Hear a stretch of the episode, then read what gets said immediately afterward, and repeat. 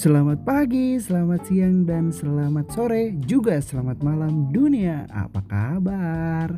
Balik lagi ketemu sama cowok paling ganteng Dengan suara seksi Roy Tonra di sini. Halo Oke, akhirnya podcastku kembali mengudara walaupun baru sehari ya pemirsa. At least gue seneng banget karena gue sudah bisa mengisi ruang dengar teman-teman semua gue belum bisa menyebutkan siapakah orang-orang yang akan mendengarkan uh, podcast gue atau ya kayak fans club gitu ya. Agak jember gak sih kalau ngomongin fans club sama gue sama orang yang podcast aja belum dilirik sama banyak orang. Tapi mungkin buat kalian para pendengar gue akan gue kasih julukan tapi nggak sekarang. Mungkin nanti kalau tiba-tiba ilham itu datang. By the way seperti judul podcast yang uh, sebelumnya yang pernah gue perkenalkan bahwa gue akan membahas tentang uh, all about men semua berhubungan sama pria. Tapi sebelum ke arah sana, banyak ide banget yang sudah gue tuangkan dalam sebuah uh, platform yang udah gue pengen sebenarnya apa aja sih yang pengen gue bahas? Itu udah ada tenang aja. Nanti ada ada pembahasannya. Tapi sambil gue belajar sambil gue mengenal kalian semua ada tema penting nih ya. Mungkin menurut gue sebelum kita ngomongin tentang spesifik satu gender laki-laki mungkin gue bisa menjelaskan tentang seksualitas secara global. Nah hari ini gue akan atau malam ini gue kebetulan lagi ngerekamnya malam-malam ya. Uh, malam ini gue akan menjelaskan atau sedikit mereview sebenarnya seksualitas di dunia itu seperti apa sih penasaran gak? Nah kalau gue sih penasaran banget dan ini gue juga lagi observe ada beberapa artikel yang sudah gue cari gue sudah belajar ada beberapa yang gue review juga mungkin ini bisa uh, sedikit memberi gambaran buat teman-teman sekalian buat ya siapa tahu dapat informasi lebih lanjut. Oke, langsung aja ya. Pada umumnya, biasanya kalau kita ngomong seksualitas itu di pada umumnya deh pasti orang tuh mikir ya lu ada laki-laki gender tuh ya gender tuh ada laki-laki gender tuh ada perempuan. Jadi cuma dua laki-laki dan perempuan. Tapi nggak melulu seksualitasnya tuh sama artinya misalnya cowok suka sama cewek atau cewek suka sama cowok. Nanti kita akan kupas secara detail mengenai jenis-jenis orientasi seksual itu seperti apa. Ternyata menurut sehatq.com ada 9 jenis uh, jenis-jenis orientasi seksual. Dan gue baru tahu. Uh, mungkin ada beberapa yang mungkin familiar didengar sama uh, teman-teman tapi ternyata sebenarnya ada 9 gue pikir itu cuma ada dua heteroseksual sama homoseksual. Ternyata enggak men. Ada 9 apa aja Oke, okay, gue jelasin dulu satu-satu ya. Pertama ada heteroseksual. Heteroseksual. Heteroseksual itu berarti orientasi yang membuat seseorang tertarik pada lawan jenis gendernya.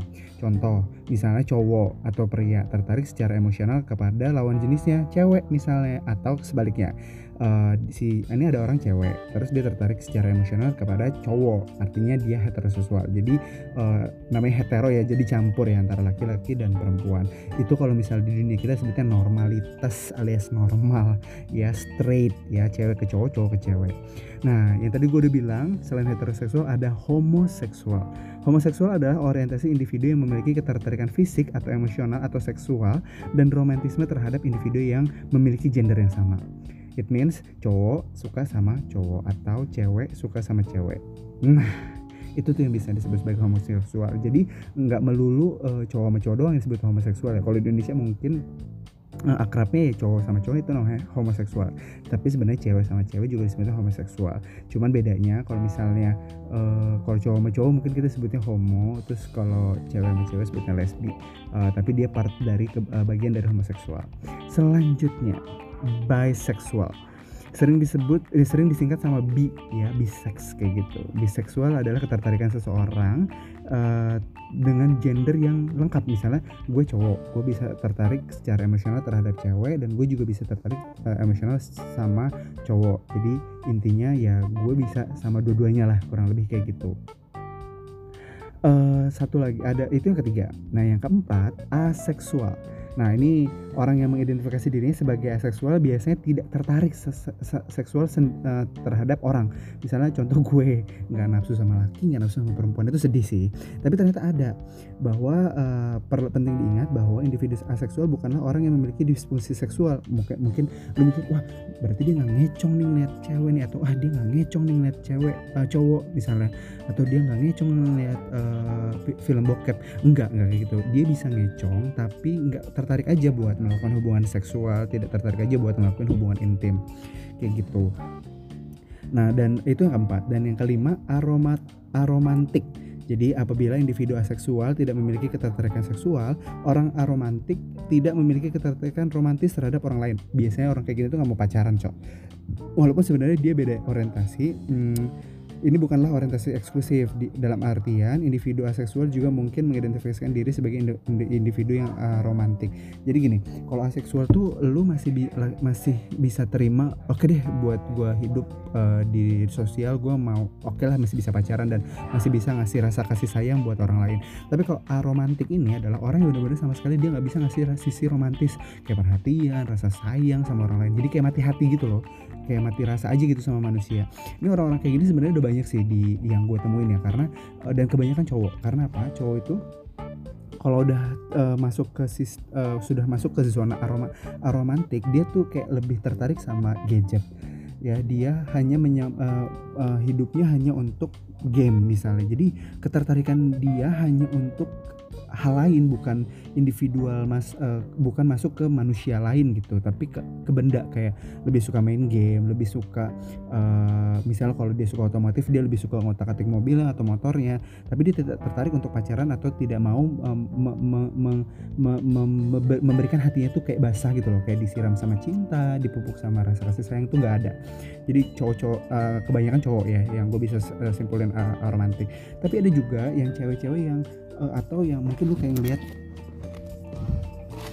cewek itu yang uh, terlalu sibuk sama dunia kerjanya misalnya kayak cewek-cewek terlalu terlalu uh, apa namanya suka sama sama kerja Indo independent woman lah. Bukan artinya dia nggak suka bukan artinya dia romantis juga tapi mungkin ada sis, uh, sebeberapa cewek yang ya udahlah gitu. Gue lebih baik gue fokus sama pekerjaan gue daripada gue pusing masalah mikirin cinta percintaan tuh ah, udahlah ya gitu. Nomor seribu deh yang penting intinya uh, gue bisa hidup dengan baik dengan materi. Itu yang kelima jadi gue ulang sedikit ya uh, bahwa tadi ada heteroseksual yang pertama homoseksual bisexual atau biseksual aseksual aromantik dan yang keenam adalah androseksual. Androseksual adalah orientasi atau ketertarikan terhadap pria atau seseorang yang maskulin. Orientasi ini dapat dirasakan oleh seseorang individu walaupun ia juga mengidentifikasikan diri sebagai orientasi seksual lainnya. Sebagai contoh misalnya seorang wanita heteroseksual dan pria homoseksual juga bisa menerapkan si, se, sebagai androseksual karena ketertarikan terhadap pria paham gak maksudnya jadi intinya si androseksual ini adalah uh, dia dia tertarik sama orang atau tertarik sama cowok yang uh, sisi maskulinnya tuh lebih tinggi atau cewek juga kan ada ya yang berotot kayak gitu nah ada orang-orang yang hanya tertarik karena identifikasi badannya aja gitu Nah, itu cewek heteroseksual atau homoseksual biasanya merangkap sebagai androseksual karena ketertarikan terhadap pria. Selanjutnya yang nomor 6 ada gineseksual. Gene seksual berkebalikan dengan androseksual. Individu gene seksual ini tertarik pada perempuan dan orang-orang yang feminim. Contohnya kayak sorry waria-waria itu kan adalah cowok-cowok yang berfeminim uh, ya. Nah uh, uh, ini kayak gitu tuh sukanya adalah orang-orang yang terlalu feminim misalnya cewek banget, cantik banget, selalu rambut panjang, muka mulus, alis tebal, alis tebal cuing misalnya segala macam. Nah orang-orang yang uh, jenis seksual itu nggak cuma laki doang. Ada juga cewek yang suka sama sisi femininitas sama uh, seseorang kayak gitu. Contohnya kayak lesbi lesbi itu uh, misalnya yang yang bersifat yang sifatnya androseksual pasti dia akan mencari pasangan yang uh, seksual yaitu cewek-cewek yang uh, feminim kayak gitu. Yang ketujuh ada dimes di demiseksual Demiseksual tidak merujuk pada orientasi terhadap gender, melainkan pada tingkat kedekatan emosional dengan seseorang. Orang yang mengidentifikasinya diri sebagai uh, diri sebagai individu demiseksual hanya bisa tertarik seksual dengan seseorang apabila sudah merasa dekat secara emosional. Jadi gini, bedanya demiseksual sama heteroseksual, uh, lu kayak punya ketanggung jawab. Kalau heteroseksual lu kayak lu punya tanggung jawab. Misal, uh, lu laki-laki, gue suka sama perempuan karena tanggung jawab gue sebagai laki-laki gue harus suka sama perempuan. Kalau demiseksual enggak beda. Kalau gue laki-laki, gue suka sama cewek, ya gue karena suka sama cewek itu. Karena sifatnya karena dia baik karena dia penyayang. Atau mungkin si cowok itu tertarik sama cowok lagi bukan karena dia artinya dia homo tapi karena si cowok ini bisa memberikan rasa kasih sayang. Ya jadi dia tidak tidak uh, tidak mengklasifikasikan cinta itu berdasarkan gender. Sepertinya gue ada di posisi ini karena gue ngerasa bahwa gue uh, lebih tertarik sama orang itu bukan karena gendernya dia laki-laki atau perempuan tapi gue lebih suka karena uh, gimana cara pembawaannya dia terhadap gue? Kayaknya gue ada di situ Nah, yang ini juga kayak mendekati gue sih, namanya panseksual. Panseksual juga disebut sebagai uh, omnisekulas. Omni menunjuk pada istilah yang artinya semua. Dengan demikian individu panseksual uh, dapat tertarik terhadap semua jenis kelamin, seks maupun gender. Orang panseksual biasanya tertarik terhadap pria, wanita transgender, inter uh, intersex atau apalah gitu ya kayak wanita yang transgender, uh, transgender sama transwoman uh, itu semuanya dia bisa tertarik. Bedanya kalau uh, demiseksual itu cuman hanya tertarik sama laki atau perempuan titik sampai situ. Tapi kalau panseksual dia nggak selain tidak menentukan uh, spesifik uh, jenis kelamin tapi dia juga tidak menentukan dia bentukannya seperti apa sekarang. Yang tadi udah berubah misalnya jadi transformasi dari perempuan jadi laki-laki atau kebalikannya dari laki-laki perempuan itu bisa bisa dia cintain. Itu namanya panseksual. Gue sih sebenarnya gue lebih ke uh, demiseksual tapi kalau panseksual kayak gue nggak terlalu segitu uh, karena gue juga nggak bisa juga kalau pacaran sama war war war, ya atau tiba-tiba cowok yang uh, yang awalnya dulu perempuan terus dia berubah jadi cowok gue nggak bisa deh kayaknya dan nggak ada pengalaman juga tapi di otak gue nggak ada sih Terus selanjutnya 9 queer. Nah, biasanya queer ini digunakan sebagai payung untuk orang-orang yang merasa label label di atas tidak dapat mencakup orientasi yang dimiliki. Namun khusus bagi orang-orang yang non heteroseksual atau non gender, uh, misalnya walaupun seorang wanita tertarik terhadap wanita lain, ia mungkin tidak ingin dilabeli sebagai seorang lesbian. Jadi gini, queer itu kayak gini, misalnya uh, jadi jenis kelamin lu uh, lu uh, orientasi seksualnya apa? Uh, padahal dia cewek main sama cewek misalnya atau dia cewek mencintai cewek. Dia nggak mau disebut sebagai uh, gue bukan lesbi gue queer aja karena gue mencintai orang orang lain uh, tapi gue nggak mau disebut sebagai lesbi. Atau sebenarnya heteroseksual misalnya karena dia terlalu uh, hidup di dunia di misalnya keluarga dia kan ada ya kalau di, di Amerika atau di luar negeri uh, suami gay uh, apa orang tua gay uh, cewek-cewek atau cowok-cowok itu boleh punya anak ya dengan dengan syarat klasifikasi yang panjang. Uh, tapi uh, ketika dia punya anak, kan anaknya itu berarti hidup bersama orang yang gay ya. Misalnya contoh anaknya uh, orang tuanya itu adalah cowok sama cowok. Terus dia punya cowok, anaknya cowok juga. Karena dia ngerasa bahwa keluarga gue atau bapak gue itu adalah uh, seorang gay, dia nggak mau menyalah, uh, tidak mau mengecewakan ayahnya dengan um, misalnya uh, gue uh, karena gue ngehargain lu deh pak ya udah gue uh, gue nggak mau gue disebut sebagai gay. Jadi gue tetap pacaran sama cewek tapi gue nggak mau disebut sebagai heteroseksual. Jadi uh, gue karena ngehargain lu karena lu gay makanya gue udah deh gue nggak mau nggak mau dilabelin sama kalimat-kalimat uh, heteroseksual atau panseksual atau bisexual gue queer aja deh. Nah ibaratnya orang yang orang yang tidak mau dilabelin sama uh, jenis kelamin uh, jenis orientasi tersebut kita seba sebut sebagai queer Nah, itu dia kurang lebih eh, jenis-jenis uh, klasifikasi uh, seks orientasi. Jadi orientasi seks pada manusia pada umumnya ya. Ini menurut si sehatq.com. Nah, kalau kita ngobrolin masalah seks orientasi, teman-teman sadar gak sih bahwa di Indonesia ini tabu akan hal tersebut, bener gak? Uh, menurut gua di Indonesia itu karena kita berasaskan sama uh, hukum Islam dan di Al-Qur'an juga jelas bahwa jenis kelamin hanya Allah menentukan hanya dua, laki-laki dan perempuan dan lu wajib mengikuti aturan Al-Qur'an bahwa lu harus menikah dengan lawan jenis lo. At least lu hanya bisa boleh berhubungan berhubungan itu sama orang yang uh, seharusnya cewek ke cowok, cowok ke cewek. Ya at, at least kita sebut sebagai heteroseksual. Nah, tapi dengan sejalan iringnya waktu, teknologi, perkembangan sosial, ekonomi dan lain-lain banyak sekali faktor hingga akhir menyebabkan bahwa banyaklah timbul-timbul jenis-jenis orientasi baru yang tadi yang kita sebutkan ada sembilan. Ya di Al-Qur'an juga sudah disebutkan bahwa ada ada pula uh, ketertarikan lain disebut sebagai homoseksual dan Allah sangat melaknat itu. Ya gua sih bukan orang munafik yang yang yang ngerasa bahwa uh, itu harus mengacu kepada Al-Quran. Ya memang harus mengacu pada Al-Quran tapi gue hidup di dunia ini saat ini uh, eh, gue menikmati apa yang gue senang saat ini apa yang gue pilih. Yang ya stupid sih kalau gue ngomong. Nanti kalau masalah di akhirat ya akan gue tanggung sendiri di akhirat tapi stupid sih. Tapi maksud gue saat ini gue hanya pengen hidup uh, berdasarkan apa yang ada di diri gue hingga akhirnya gue tidak membohongi diri gue sendiri itu poinnya. Jadi gue ngerasa bahwa tadi gue ada ada di kelompok yang gue ngerasa bahwa gue bisa mencintai uh, laki-laki dan bisa mencintai perempuan uh, tidak berdasarkan jenis kelamin mereka tapi gue mencintai mereka karena berdasarkan uh, how to caring mereka terhadap gue. Beda sama bisexual adalah lu bisa mencintai keduanya uh, ya ya ya karena cinta aja gitu. Tapi kalau kalau uh, panseksual adalah kalau lu ngerasa bahwa uh, ya gue mencintai lo karena karena lu nya bukan karena jenis kelaminnya. Itu uh, hingga akhirnya di Indonesia tuh ngerasa bahwa ya udah uh, jenis kelamin dua dan lu kalau mau menikah ya harus heteroseksual laki-laki sama perempuan perempuan sama laki-laki. Uh, kalian ngerasa sama bahwa sama gak sih sama gue gue juga nggak tahu karena di, di, di podcast ini kan kita tidak bisa komen-komenan ya. Uh, gue akan menginformasikan nanti Instagram gue. Kalau kita mau diskusi kita bisa lu bisa DM gue di, di, di Instagram nanti. Siapa tahu kita bisa tukar nomor handphone hingga akhirnya kita diskusi bareng mengenai uh, seksualitas di Indonesia.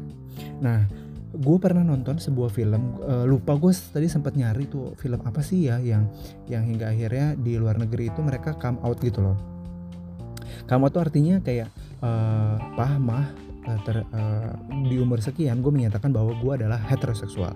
Terus ada satu keluarga juga yang menginformasikan bahwa pah mah ternyata gue adalah uh, bisexual. Pah mah actually I'm sorry I'm gay kayak gitu loh kayak kayak mereka tuh di luar negeri mereka bisa come out. Tapi menurut kalian teman-teman nih di luar sana apakah sebenarnya ketika kita come out itu penting gak sih? At least walaupun lu ternyata straight 100% penting gak sih? Atau kalau misalnya memang penting di umur berapa sih lu harus come out sama keluarga lu gitu? Kenapa gue uh, menceritakan hal ini? Karena uh, keterbukaan di keluarga itu sangat penting.